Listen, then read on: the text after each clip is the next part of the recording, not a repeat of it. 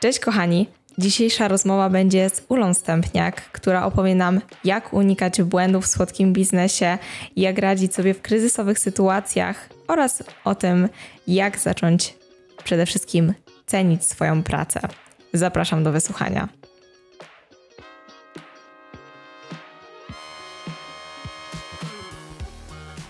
Cześć, dzień dobry, witam Cię w moim mieszkanku, studiu. Chciałabym na początku poprosić Cię, żebyś się przedstawiła naszym słuchaczom. E, cześć, nazywam się Ula Stępniak. E, I tak standardowo, jak się witam na przykład podczas webinarów, e, taka moja formułka. Nazywam się Ula Stępniak i od 11 lat prowadzę pracownię cukierniczą Słodki Muffin w Warszawie, a od 4 lat dzielę się swoją wiedzą w internecie. I w tym internecie, jak dzielisz się swoją wiedzą? Na różne możliwe sposoby. Generalnie tak. E, dużo można materiałów znaleźć na, na blogu. To są materiały bezpłatne, które można albo pobrać, albo są artykuły napisane nie tylko przeze mnie, ale również przez zaproszone przeze mnie e, ekspertki z różnych dziedzin. Mm, no i jest grupa na Facebooku. E, to jest kopalnia wiedzy. Tam jest naprawdę mnóstwo różnych informacji.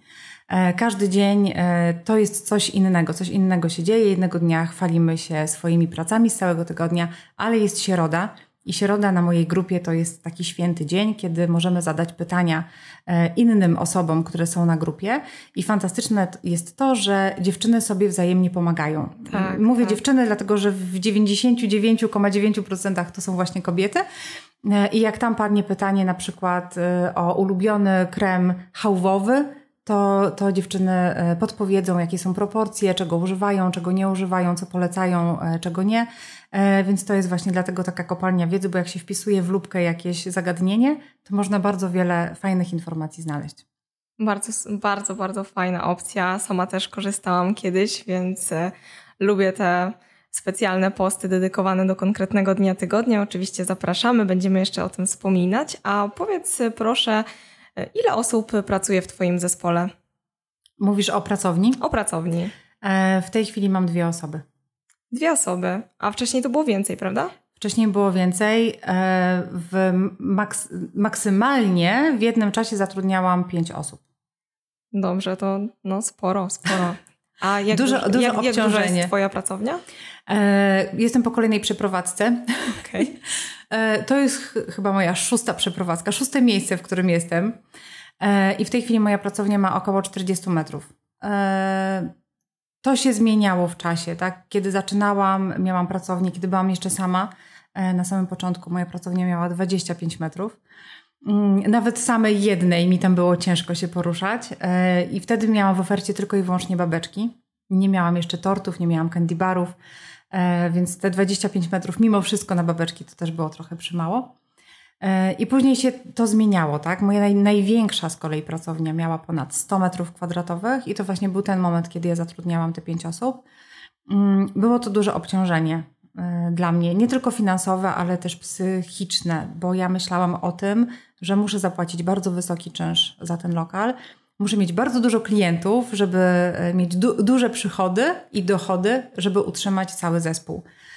Um, więc w momencie, kiedy to się zmieniło, kiedy się przeprowadziłam do mniejszego lokalu, kiedy trochę sobie, pewnie do tego dojdziemy jeszcze później, e, ale troszkę musiałam sobie ten, ten swój interes e, i biznes przegrupować i nadać mu jakieś priorytety, to w momencie, kiedy ten zespół został okrojony do dwóch osób, to poczułam taki, jak wielki taki kamień spada mi z serca, e, bo faktycznie jakby mieć koszty miesięczne, e, wszystkie w wysokości około 50 tysięcy złotych, a mieć w wysokości 30 tysięcy, no to już można odetchnąć, tak? Że to jest dużo, dużo mniej.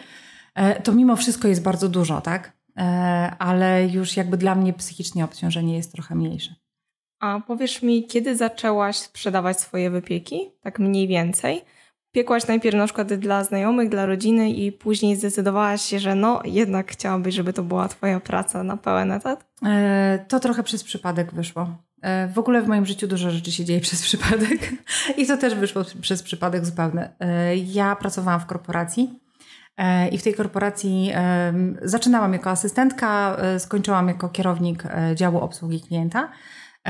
I pieczenie to była moja forma odstresowania. Więc jak ja przychodziłam z tej korporacji, e, zdejmowałam te swoje szpilki i ten swój garniturek, E, i byłam naprawdę mocno spięta, mocno zestresowana. Jeszcze żyłam wszystkim tym, co się wydarzyło w ciągu dnia albo co ma się wydarzyć następnego dnia.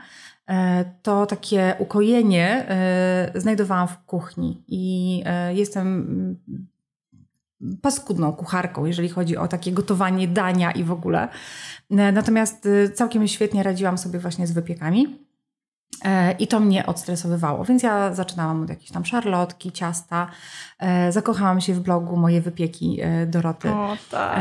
To było takie moje, jak ja oglądałam te zdjęcia, jak ja czytałam po prostu opisy, jak się przygotowuje różne ciasta, desery i w ogóle, to to było dla mnie takie, o, tak, tak jak teraz Instagram na przykład, że sobie oglądam coś tak. ładnego i się przy tym też mogę odstresować, to, to tam właśnie tak było. I od tego się zaczęło pomalutku.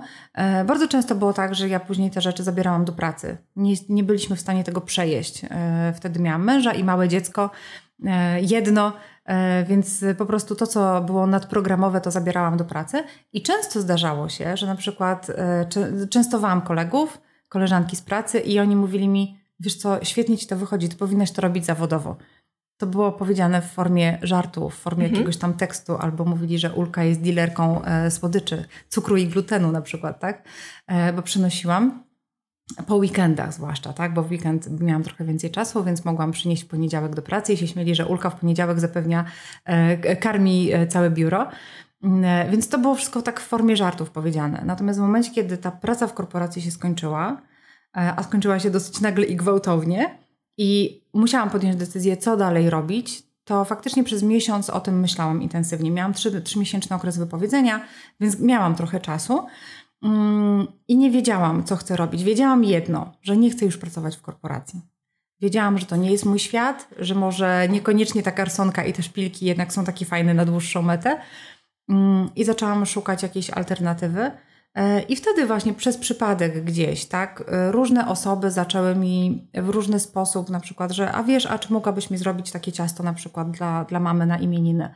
E, no i na początku to właśnie było tak, że jakby osoby z mojej byłej pracy do mnie przychodziły, bo kojarzyły mnie z tymi, z tymi ciastami i tak dalej, a później to już tak poszło, naprawdę poszło z, z kopyta tak właściwie. E, a zaczęło się od babeczek. Jezu, jak strasznie dużo mówię, przepraszam. Dobrze. A zaczęło się od babeczek, e, bo to też nałożyło się w czasie z taką sytuacją, że mój syn wylądował w, w szpitalu.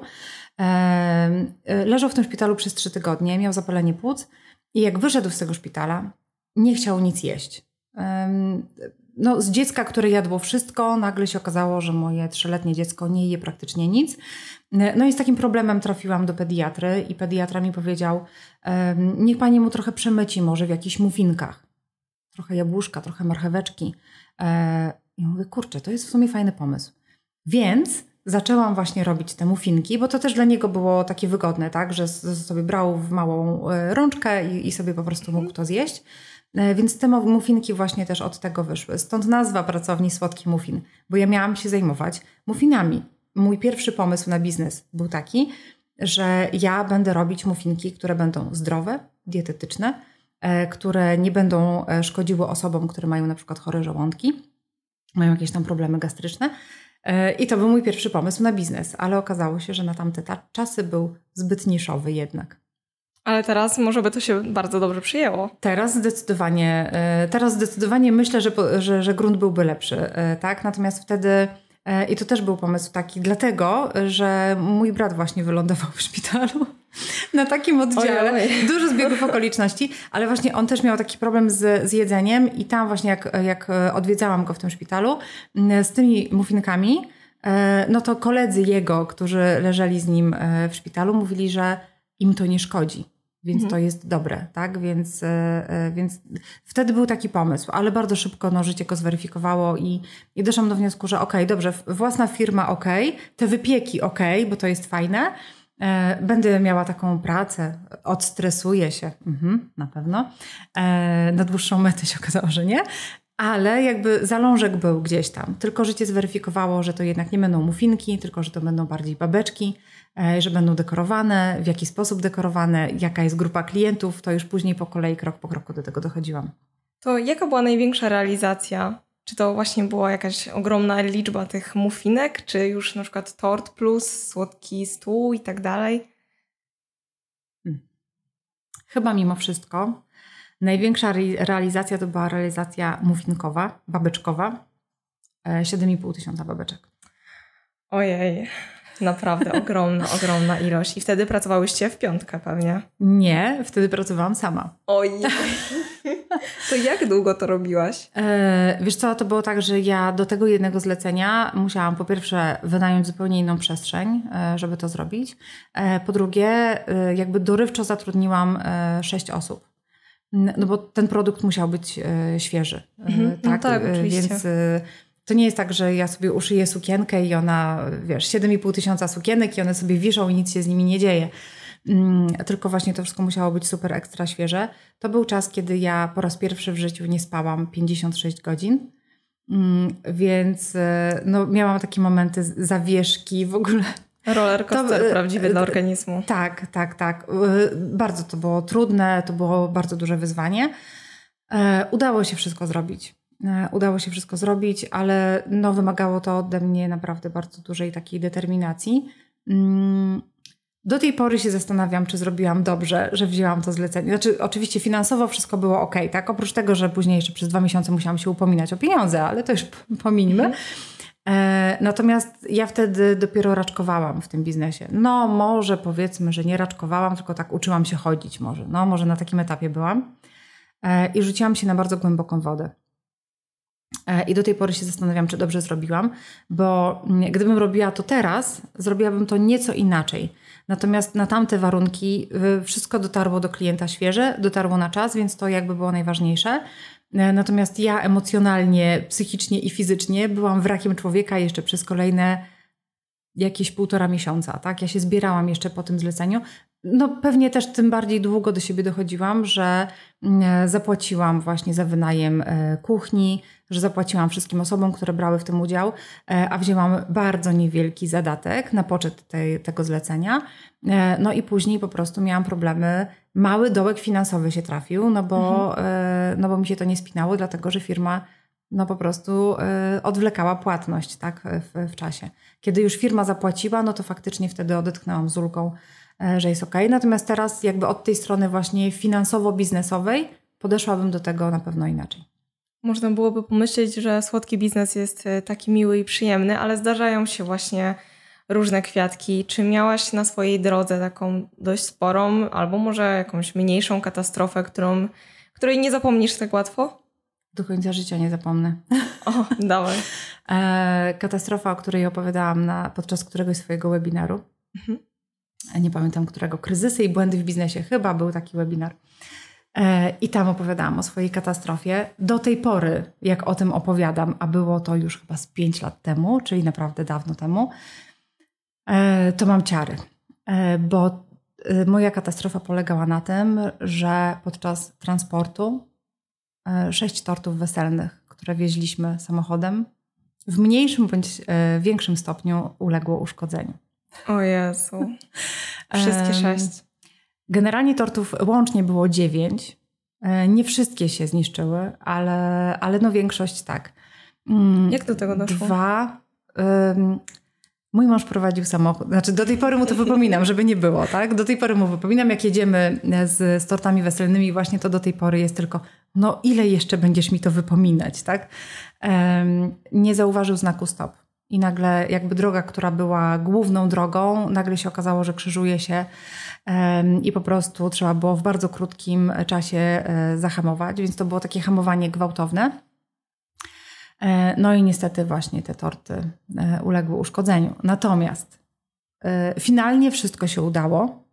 E, finalnie wszystkie torty trafiły w, w, stanie nienaruszonym jakby na miejsce. Musieliśmy wrócić do pracowni. E, część tortów, e, dwa torty były takie, które wymagały bardzo dużo pracy. Reszta to były tylko takie mm, takie delikatne szlify, tak? Gdzieś tam krem, gdzieś delikatnie piętro się obsunęło. Więc coś, co, o czym teraz sobie myślę, piętro się obsunęło, o matko, tak? Mhm. Nie, wtedy to było tylko się obsunęło, mhm. bo tutaj mieliśmy z drugiej strony większą katastrofę. Najbardziej ucierpiał tort e, czteropiętrowy, który wiozłam w, w, całości i po prostu trzeba było go rozebrać. Jedno piętro, to był tort w ogóle semi-naked, E, więc to e, naj, największe piętro w tym torcie już przestało być semi-naked, tylko po prostu było e, w kremie, mhm. bo jakoś musiałam je ustabilizować, jakoś musiałam je tam ścisnąć. No i te torty przewoziliśmy, ten jeden konkretny tort przewieźliśmy de facto w, w rantach i dopiero na miejscu na sali weselnej, znaczy nawet nie na sali, tylko w chłodni składaliśmy ten tort, dekorowaliśmy E, już było bardzo, bardzo ciemno, kelnerzy nam świecili latarkami z telefonów. E, I tak właściwie jak tylko skończyliśmy to robić, to ten tort od razu trafił na stół i od razu wjechał i para młoda go kroiła. A to był ostatni tort, jaki zawieźliśmy. Mm, no bo też nasza trasa cała uległa zmianie, tak? My wtedy mieliśmy do przejechania około 200 kilometrów z tymi tortami. No i mieliśmy trasę ułożoną oczywiście w taki sposób, żeby żeby jak, jak najbardziej ekonomicznie to zrobić i tak dalej. Natomiast później, jak już te torty ponownie poskładane wieźliśmy na miejsce, no to już nie patrzyliśmy na to, e, żeby było ekonomicznie, tylko jeden tort miał być podany o godzinie 20, drugi o 22, więc jeździliśmy po prostu od punktu do punktu, też nadrabiając dużo e, trasy, e, żeby właśnie trafić w odpowiednie miejsce. Masakra, tyle stresu, naprawdę. I w takich momentach nasuwa się pytanie, czego w tej pracy swojej nie lubisz? Ha. E, nie lubię robić figurek. to jest jeden z elementów. E, generalnie jakby spotki biznes to jest mnóstwo różnych elementów. To jest tak jak z klockami Lego albo z puzzlami.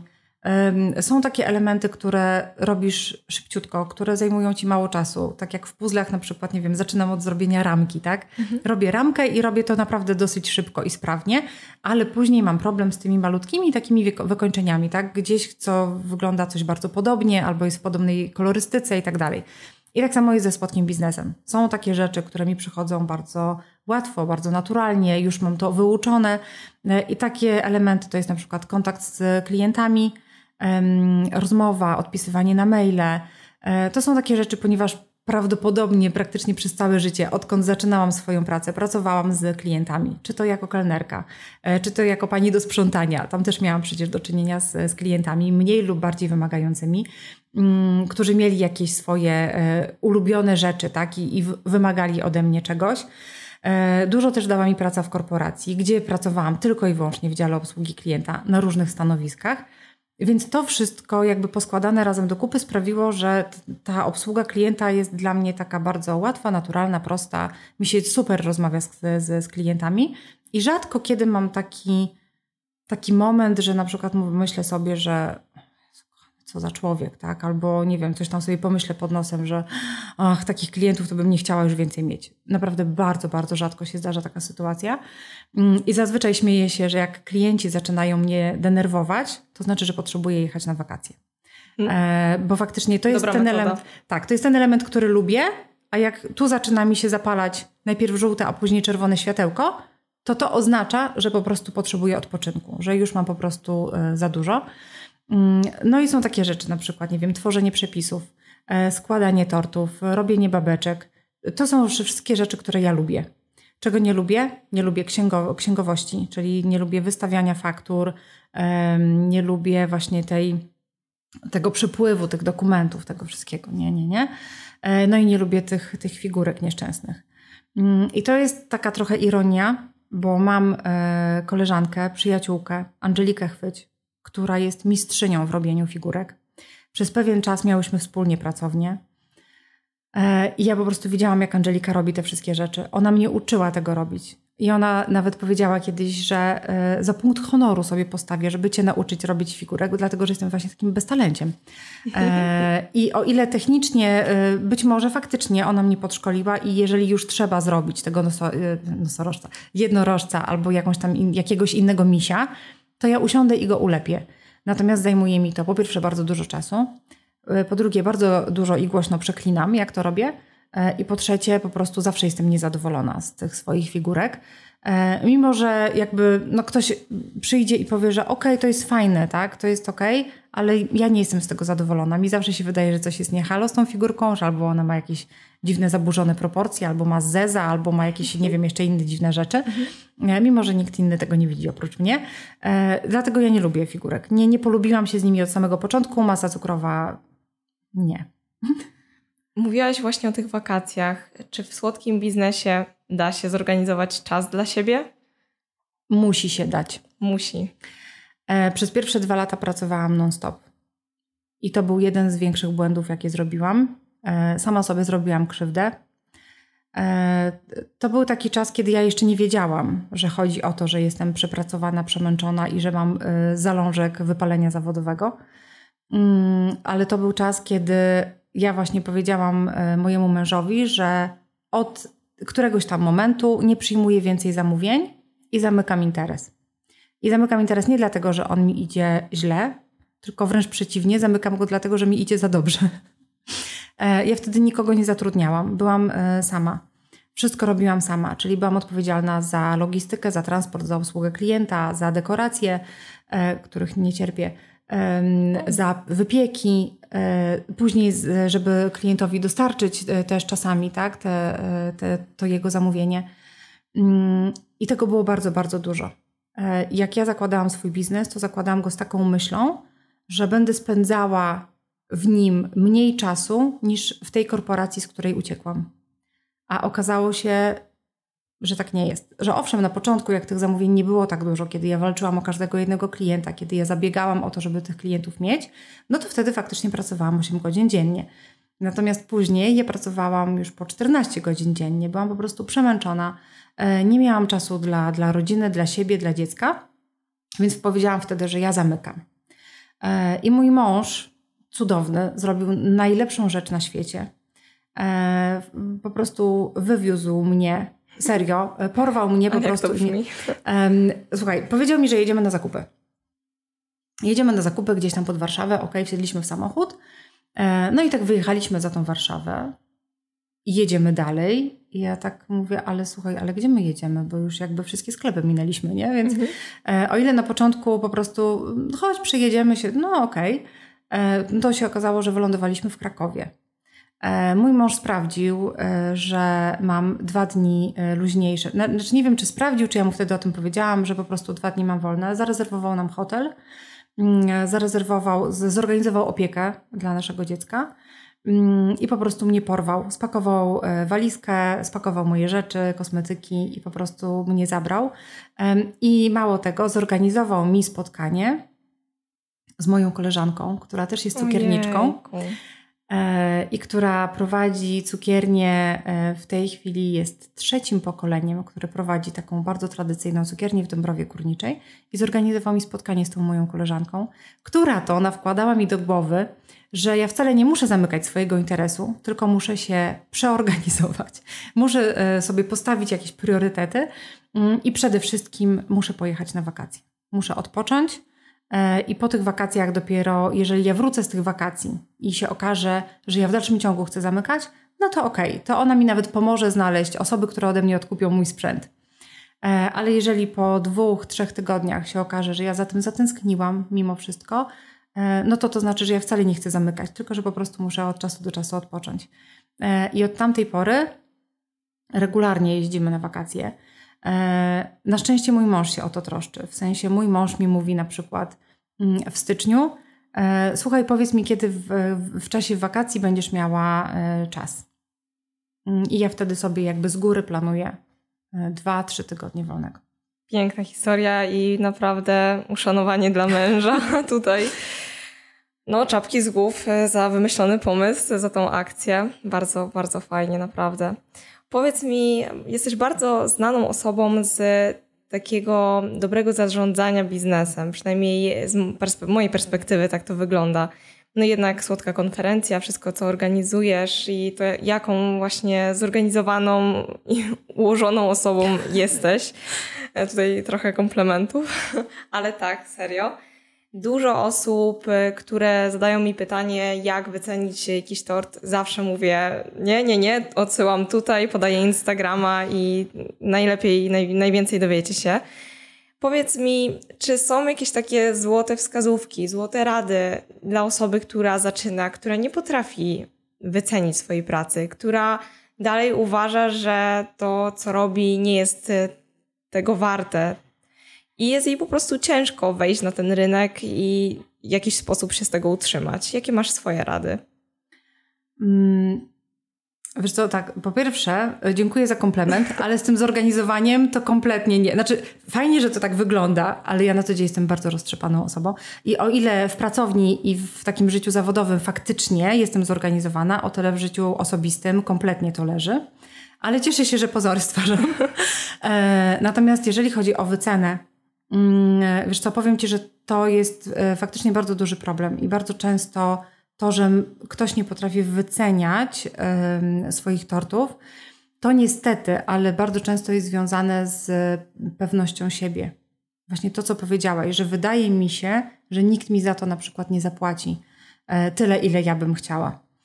E, ja co jakiś czas organizuję mm, takie bezpłatne, różnie to nazywam, albo wyzwania, albo jakieś tego typu y, akcje, gdzie każdy może do tego dołączyć.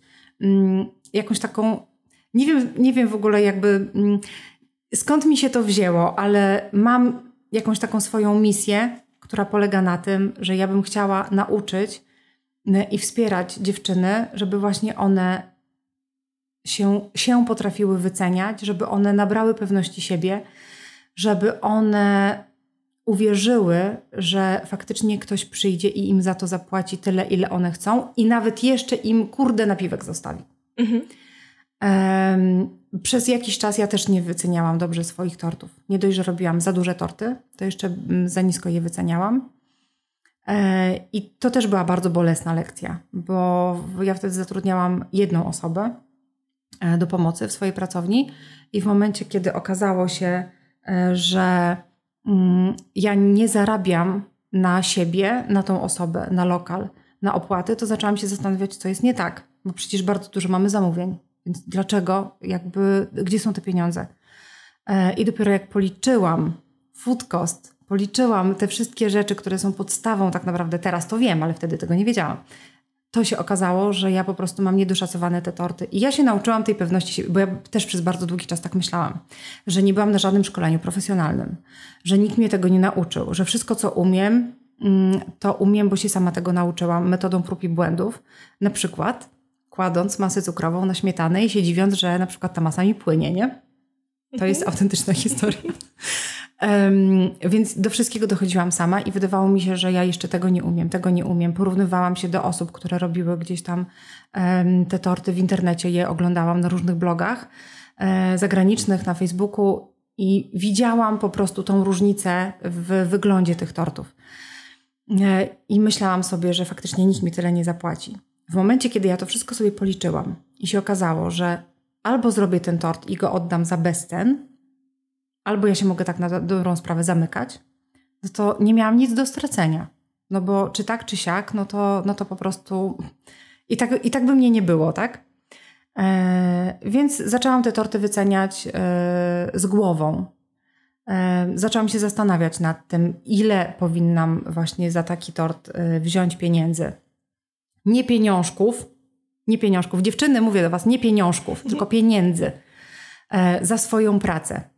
Mm, I, dopiero wtedy jakby do mnie dotarło, tak, że faktycznie można na tym zarobić, można zrobić naprawdę dobre pieniądze, e, tylko trzeba się odpowiednio wycenić. Jeżeli ktoś zaczyna, to właśnie ma takie myślenie, że a to nikt mi tyle nie zapłaci, a to nie jest tego warte, a jeszcze muszę dopracować i tu wymień 10 rzeczy, które ci przychodzą do głowy. Mm, natomiast e, lepiej jest naprawdę na początku w ogóle nie sprzedawać tych tortów, tylko je robić dla siebie i szlifować smak, wygląd, estetykę, y, zdjęcia. Y, one też są bardzo ważne. Jakby te wszystkie elementy składają się na to, że ktoś ten tort u ciebie przyjdzie, zamówi mm, i to wszystko ma swoją odpowiednią rolę. Y, I lepiej naprawdę na początku tego nie, nie brać pieniędzy za te torty przez pół roku na przykład, dopracować sobie wszystko perfekcyjnie, mieć, nie wiem, cztery smaki tortów w ofercie. To jest wystarczające, ale dopracowane je mieć po prostu perfekto i popracować właśnie nad wyglądem, nad estetyką, nad swoim stylem. Nie robić tak, jak wszyscy robią. tylko po prostu robić coś swojego, coś, co ty czujesz, coś, co jest tobie bliskie, twojemu poczuciu estetyki. E, I wtedy łatwiej będzie trafić do tych klientów, e, do których chcesz trafić i którzy po prostu ci jeszcze za to zapłacą i to ci dobrze zapłacą. E, I to jest chyba taka złota rada, tak? Jeżeli masz wziąć za to za składniki plus wino, czy tam plus bukiet kwiatów, to lepiej nie robić wcale. Mm, a jak już zacząć robić i sprzedawać, to już zacząć po prostu z wysokiego C. W takim wypadku można Cię zapytać o takie widełki, ile zarabiasz na słodkim biznesie stacjonarnie i zdalnie? to jest bardzo ruchome. E, wiesz, dlatego że no, wiadomo, że są, e, jest sezon wysoki, sezon niski. To też bardzo dużo zależy od tego, co, mm, co robimy tak konkretnie. Generalnie ja w swojej pracowni cukierniczej e, w 80% moi klienci to są klienci firmowi. Więc to jest mocno niestandardowe. E, bo zazwyczaj pracownie cukiernicze są nastawione na klientów indywidualnych, czyli to są mniejsze torty, mniejsze zamówienia, typu jakieś właśnie baby shower, urodziny, mm, ale powiedzmy takie przyjęcia dla 10 osób, 20, e, e, no i torty weselne. Natomiast u mnie to wygląda nieco inaczej, czyli u mnie to wygląda tak, że ten sezon trwa dłużej, bo sezon trwa mniej więcej tyle, ile rok szkolny, czyli od września do czerwca, bo wtedy pracują firmy. I firmy organizują naprawdę różnego rodzaju eventy, spotkania, mm, spotkania jakichś tam menadżerów albo spotkania między, firmo, między firmami. E, powody, dla których ja robiłam jakieś słodycze e, firmowe, są po prostu tak różne, że e, nie przyszłoby mi to do głowy normalnie, tak? Mm, no bo to, że walentynki, że Dzień Kobiet jest świętowany, że tłusty czwartek, no to jest jakby takie normalne, tak? Ale że na przykład będziemy świętować z firmą 3M, E, świętowałam rok bez e, wypadków w fabryce. Oh, wow. Taki był powód bez świętowa- do, do, do, świętowania. Każdy powód do świętowania jest dobry. Tak, tak, tak. Yy, więc to są takie różne, różne okoliczności. Tak? I do tego też już się nauczyłam, że czasami już nawet nie pytam z, z, jakiej, to, z jakiej to okazji, ale to jest fajne, że, fa- że właśnie firmy w ten sposób yy, no, swoim pracownikom tak naprawdę fundują tego typu yy, atrakcje. Mm, więc jeżeli, e, poczekaj, bo się teraz rozgadałam znowu, a pytanie było konkret, ile zarabiam. Jeżeli miałabym to tak uśrednić e, i jakby przez miesiące w roku, to myślę sobie, że moje zarobki, nawet myślę sobie, nie, nie myślę sobie, tylko wiem, bo przecież e, PIT ostatnio robiłam, to jest coś w okolicach 10 tysięcy na rękę miesięcznie, tak średnio. To są tego typu mhm. zarobki już po opłaceniu, czyli to jest mój dochód, tak? To jest to, co już mam po opłaceniu ZUS-u, e, wszystkich podatków e, i tak dalej, i tak dalej. Okej. Okay. Wspominałaś, że nie jesteś zorganizowaną osobą, a jednak e, wydaje mi się, że bardzo dobrze radzisz sobie z organizacją słodkich stołów, wesel. W takim razie możesz opowiedzieć trochę, jak rozkładasz swoją pracę? Czy robisz coś wcześniej oczywiście? Tak, tak. Ja się nauczyłam być e, zorganizowaną osobą w, w, pracowni, tak? czyli w tej swojej sferze zawodowej. Faktycznie jestem zorganizowana, mam kalendarz. To jest bardzo ważne, miejcie kalendarze. Tak, e, w kalendarzu mam checklisty. Checklisty to jest w ogóle super temat. E, przeczytałam książkę mm, Potęga checklisty i ona bardzo dużo też mi pomogła, chociaż ja już na checklistach pracowałam wcześniej, ale po przeczytaniu tej książki mogłam jeszcze co sobie jakoś tam dopracować. I e, jeżeli ktoś ma problem właśnie z organizacją, z tworzeniem właśnie takich, takich rzeczy, to ta książka jest bardzo fajna. Natomiast jeżeli chodzi o samą organizację, przy candy barach, no to tutaj ta praca się rozkłada tak właściwie na cały tydzień. I od poniedziałku do piątku mamy zaplanowane, co, co którego dnia robimy. W zależności od tego też, jakie słodycze są na candy barze ale trzeba zaplanować wszystko. Nawet to, że trzeba przejrzeć naczynia, które odebraliśmy na przykład z jakiegoś innego kandibaru, że trzeba te naczynia umyć, że trzeba je odpowiednio zapakować, żeby one już były przygotowane do transportu, żeby w tym transporcie się nie uszkodziły. Więc to też jest czas, tak? Więc jakby organizacja tutaj też polega na tym, żeby pomyśleć o rzeczach, które są takie banalne na zasadzie, oj dobra, to wezmę, wezmę naczynia i pojadę. Ty wiesz, ile razy ja wracałam w połowie trasy z, do pracowni, bo nie zapakowałam naczyń na pakę. E, po piątym razie zaczęłam sobie zapisywać, wziąć naczynia, bo to było dla mnie tak oczywiste, że przecież jak się jedzie na candy bar, to się bierze naczynia, że już później przejechaliśmy 20 km i było naczynia, a później oczywiście y, się rozstawia wszystko w przeciągu 5 minut, bo nie ma czasu tak na rozstawienie, bo, y, bo już tu zaraz wchodzi para młoda, a ja dopiero dojechałam na salę weselną, bo zapomniałam naczyń. Y, więc wszystko zaczęłam zapisywać. E, kiedy zrobić ciasto parzone, kiedy przełożyć eklery, ptysie i tak dalej, kiedy zrobić monoporcję, kiedy mus, a kiedy, no wszystko, każdą jedną rzecz, tak, kiedy można upiec babeczki, a kiedy je skremować, a kiedy zrobić dekoracje. Dekoracje mogą leżeć, ale babeczki już tygodnia nie poleżą, tak? Ale mało osób też wie, kiedy co może zrobić. Ja spotkałam się bardzo wiele razy z taką informacją, że no ale jak to biszkopt zrobić parę dni wcześniej? Przecież on nie będzie już świeży, on już nie będzie dobry. No, o co chodzi? I jakby tych rzeczy się uczysz dopiero tak, w trakcie. Tak. To prawda. Ja też kiedy się dowiedziałam, e, chyba od Marty Teterycz, Marta Teterycz mi powiedziała, mhm. że według sanepidu biszkopt e, może 21 dni być przechowywany. 21 I, dni. Tak. Nie dwa dni, nie 21. Dwa dni. E, to też było takie, Wow, myślałam, że tydzień. No. bo tyle wynikało z moich obserwacji. Tak, faktycznie dłużej nie trzymałam tego biszkoptu. E, ale jak Marta mi o tym powiedziała, a jeszcze e, rozmawiałyśmy na temat mrożenia, e, że biszkopty przecież można mrozić, tylko oczywiście muszą być odpowiednio zabezpieczone, mm, no to, to, to też jakby bardzo dużo ułatwia, pomaga. Ja w tej chwili mam swoją pracę zorganizowaną w taki sposób, że generalnie awaryjny biszkopt w zamrażarce mam zawsze. Bo spadnie półka w lodówce, bo wypadnie nam z ręki już e, zrobiony tort, a klient ma być po ten tort, nie wiem, za dwie godziny. Mm, I co wtedy? No, biszkopt, upieczenie biszkoptu zajmuje e, no, stosunkowo dużo czasu, tak? Bo oprócz tego, że się piecze około 45-50 minut, no to jeszcze trzeba go przygotować i tak dalej. Więc ja już po prostu wyjmuję zamrożony biszkopt, rozmrażę się go w przeciągu 5 minut w mikrofalówce albo nawet i, i mniej. Na, na blacie, jak go położę, to w przeciągu 15 minut się rozmrozi. Więc ja w tym czasie już zrobię e, krem, tak? I go po prostu będę mogła przełożyć. E, więc są takie rzeczy, które awaryjnie mam zawsze w zamrażarce. Jedną z nich jest właśnie biszkopt. E, są też żelki. Właśnie dlatego, że jakby co, jakby co, to lepiej, żeby ona była. A spokojnie trzy miesiące można takie rzeczy przechowywać. Prażynki przygotowane, pistacjowa prażynka jest zawsze na podorędziu. Bardzo dobrze. Ptysie na przykład? się nie. Generalnie taki, takie rzeczy, wiesz, to robimy na candy bary, e, mhm. a candy barów nie mamy aż tak dużo, żeby mieć, e, okay. żeby mieć tego typu rzeczy przygotowane. E, raczej bazujemy na tym, co robimy na co dzień, a candy bary Ursi tutaj wiecie, wie, wie, wiecie prym. Opowiedz mi proszę, jaką jedną taką najważniejszą radę dałabyś osobom, które startują w tym słodkim biznesie, czują się jeszcze niepewnie, nie wiedzą, czy dobrze wszystko robią, dobrze wszystko planują. Jedna rada od ciebie dla naszych dzisiejszych słuchaczy. Ależ ty trudne pytania zadajesz. Starałam się. Mm, poczekaj, jedna rada. Co ja bym mogła Wam poradzić? Matko, jest tyle rzeczy, które bym Wam mogła poradzić. E, myślę sobie, że. Bo jak powiem komuś, uwierz w siebie, to to jest takie, taki frazes, nie? Uwierz w siebie. Jakby ktoś mi powiedział, uwierz w siebie. Nie, nie, to tego wam nie powiem.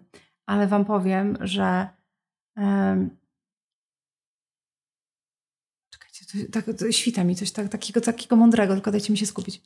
Um, bo żeby wypracować sobie taki sukces, to wydaje mi się, że składniki, jak, jak, jak miałabym zrobić tort, który będzie się równał sukcesowi w słodkiej branży, e, to taki tort to jest e, determinacja, włożone serducho e, i po prostu mnóstwo pracy. Mm, I to jest przepis na sukces. Jeżeli miałabym to opisać w taki sposób, czy to jest jakaś rada? Nie wiem, e, ale ja wiem, co mi pomogło. Ja byłam bardzo mocno zdeterminowana.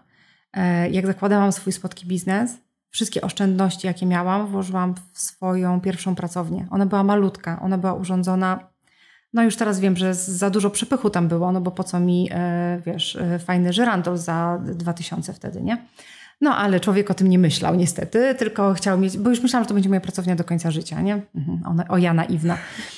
E, ale ja wtedy byłam bardzo mocno zdeterminowana, żeby nie stracić tych oszczędności.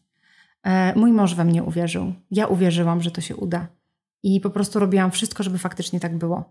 E, wspomniałam gdzieś między wierszami, że nawet jak nie było zamówień, to pracowałam 8 godzin dziennie. E, ja faktycznie pracowałam 8 godzin dziennie. Wysyłałam oferty do firm, dzwoniłam, pytałam, czy nie potrzebują na przykład babeczek e, na jakiś event, albo spotkanie z pracownikami, albo nawet zebranie zarządu. Wyszłam z korporacji świeżo, więc generalnie te firmy to był taki mój naturalny kierunek trochę. Mm, Umiałaś bo, trafić do potencjalnego klienta dzięki temu. Tak, bo ja pracowałam w korporacji i wiedziałam, że czasami są zamawiane właśnie słodycze na zebrania zarządu, że czasami jak przyjeżdża do nas jakiś klient zewnętrzny bardzo ważny, to go częstujemy jakimiś fajnymi rzeczami. E, więc jakby to był mój taki naturalny kierunek i faktycznie to był strzał w dziesiątkę. I te firmy dlatego teraz e, w dalszym ciągu są.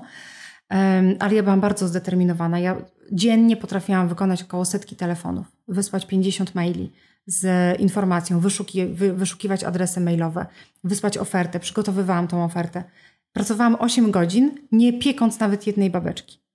E, I to była moja determinacja. I wydaje mi się, że tutaj jakby to jest taki klucz do sukcesu. Jeżeli jesteś zdeterminowana, jeżeli wiesz, czego chcesz i jeszcze wkładasz w to ogrom swojego serca, to nie może się nie udać. Słodki biznes to nie tylko pieczenie ciastek. Zdecydowanie nie. Jeszcze później trzeba je sprzedać. Tak jest. Powiesz e, odrobinę o swoich planach, marzeniach na najbliższe dni, miesiące, może lata, jeżeli masz tak bardziej szerszą perspektywę? Wiesz, ja mam, e, ja mam taki plan. Nie wiem, czy on nie jest za ambitny nawet, e, ale mam taki plan, taki cel. Wydaje mi się, że krok po kroku go realizuję tak sukcesywnie, o ile czas mi na to pozwala. Ja mam takie marzenie i od tego marzenia wychodziłam. E, kiedy ja zaczynałam, te 11 lat temu, nie było w Polsce szkoleń, nie było kursów, nie było osoby, która by powiedziała: rób to tak, a tego nie rób. Tu stracisz mnóstwo pieniędzy, a tu stracisz mnóstwo czasu. Nie było nikogo takiego. Wiesz, ja naprawdę to, co powiedziałam, że położyłam masę cukrową na bitą śmietanę e, i ona mi popłynęła, ja spędziłam chyba ze 4 godziny w internecie szukając przyczyny, dlaczego tak się stało, bo naprawdę nie wiedziałam. Myślałam, że dlatego, że jest po prostu wysoka temperatura, bo wtedy było lato. Mm, to są takie rzeczy, wiesz, takie kwestie różne techniczne i w ogóle to przychodzi później z czasem, ale też nauka biznesu to jest najcięższa chyba lekcja.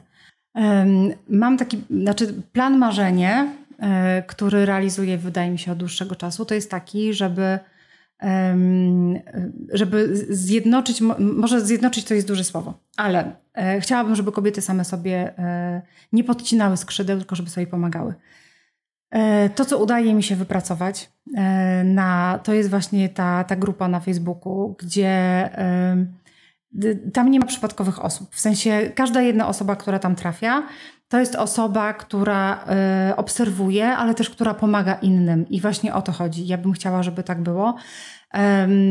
Biznes na słodko to jest właśnie e, coś, nad czym ja pracowałam, żeby pomóc osobom, które zaczynają. Zaprosiłam do, e, do współpracy ekspertki z różnych dziedzin. E, zaprosiłam księgową, zaprosiłam ekspertkę od HACCP, E, zaprosiłam Joannę Sławińską, która jest takim coachem, tak, która pomaga dziewczynom nabrać na przykład pewności siebie, stawiać granice. To jest też bardzo ważne. I e, te wszystkie osoby pracują właśnie po to, żeby osoby, które zaczynają w słodkim biznesie, które stawiają swoje pierwsze kroki, żeby wiedziały po prostu e, od czego zacząć, jak to wszystko poukładać sobie po kolei i żeby dać im taką gotową, gotową wręcz receptę właśnie na, na sukces. E, więc to, to jest takie moje marzenie, taki mój plan. Ja bym chciała, żeby te osoby początkujące po prostu miały jak największe wsparcie, bo wtedy, kiedy ja zaczynałam, nie było nikogo, kto by mi powiedział: zrób to, a tego nie rób, tu stracisz pieniądze, a tu stracisz czas. Mm, to jest zły pomysł. Ja musiałam tego wszystkiego spróbować na własnej skórze i niejednokrotnie właśnie straciłam dużo pieniędzy, albo straciłam mnóstwo czasu, albo zaufałam nie tej osobie, której. Um, której nie powinnam, tak? Która coś mi obiecała, a później jakby nie dotrzymała słowa. No na, na, to nie mamy wpływu, czy to w życiu osobistym, czy w biznesie. e, ale też już się nauczyłam, żeby w biznesie po prostu podpisywać umowy. Że nie, nie ma, że ktoś przyjdzie i mi powie, wiesz Ula, ja ci zrobię fajną stronę internetową, a ja mu w to uwierzę. Tylko po prostu, dobrze, zrobisz mi stronę internetową, napisz mi za ile, kiedy ona będzie gotowa, co na tej stronie się znajdzie, z, podpiszmy umowę. Teraz już wiem, że tak się robi, ale, ale wtedy tego nie wiedziałam. I wydawało mi się, że jak ktoś mi coś obieca, to że faktycznie słowa dotrzymam, bo jak ja obiecuję, to dotrzymuję, tak? Ale, ale to tak nie działa. Więc takie mam plany, plany marzenia. Chciałabym po prostu, żeby ta słodka branża e, była taka fajna, zjednoczona, żeby dziewczyny szły ramię w ramię. I cały czas to realizujesz. Staram się. W takim wypadku, kiedy nowe osoby do ciebie przyjdą, na przykład po tym podcaście, co im zaoferujesz od siebie? E-booki, a w tych e-bookach? jest mnóstwo, e, jest mnóstwo materiałów faktycznie na mojej stronie internetowej. Są e-booki. Mój pierwszy e-book, który napisałam, to był e-book Tajemnice słodkiego biznesu. E, I tak właściwie to miał być jeden e-book, jeden produkt i koniec. Ja z taką myślą w ogóle zrobiłam swoją stronę internetową. Tam nie było za dużego wyboru, nie było ogromnego menu. E, był blog i, było właśnie, e, i była właśnie ta strona e, sprzedażowa z e-bookiem. To jest e-book, który właśnie krok po kroku tłumaczy, jak wystartować w słodkim biznesie. Jak znaleźć odpowiednich klientów, jak do nich trafić, jak się zorganizować, o co chodzi z tym sanepidem, tego typu wszystkie kwestie. Generalnie trochę e, opowiedziałam swoją historię i na podstawie swojej historii powiedziałam, jak ja bym to teraz zrobiła i tak dalej.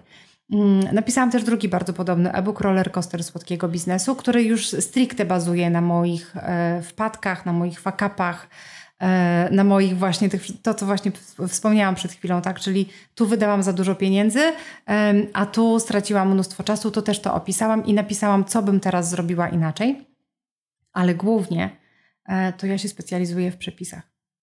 E, od tego zaczął się ten mój słodki biznes, no bo ja właśnie lubiłam kombinować, tak, mieszać różne tekstury. Zaczęło się od ciast, później były babeczki, teraz są torty. To wszystko w dalszym ciągu. E, to jest taki mój konik. E, więc u mnie w sklepie e, jest mnóstwo e-booków z przepisami. I są takie e-booki stricte, na przykład jest, są dwa e-booki tortowe, gdzie są przepisy na torty, mm, ale jest też, są też przepisy na mniejsze desery, takie, które są idealnie się wkomponowują na przykład właśnie w, w klimaty candy barowe. Więc to, to też znajdziecie w moim sklepie. Oprócz tego jest kurs online, 6 ponad godzin Mm, trwa o candy barach.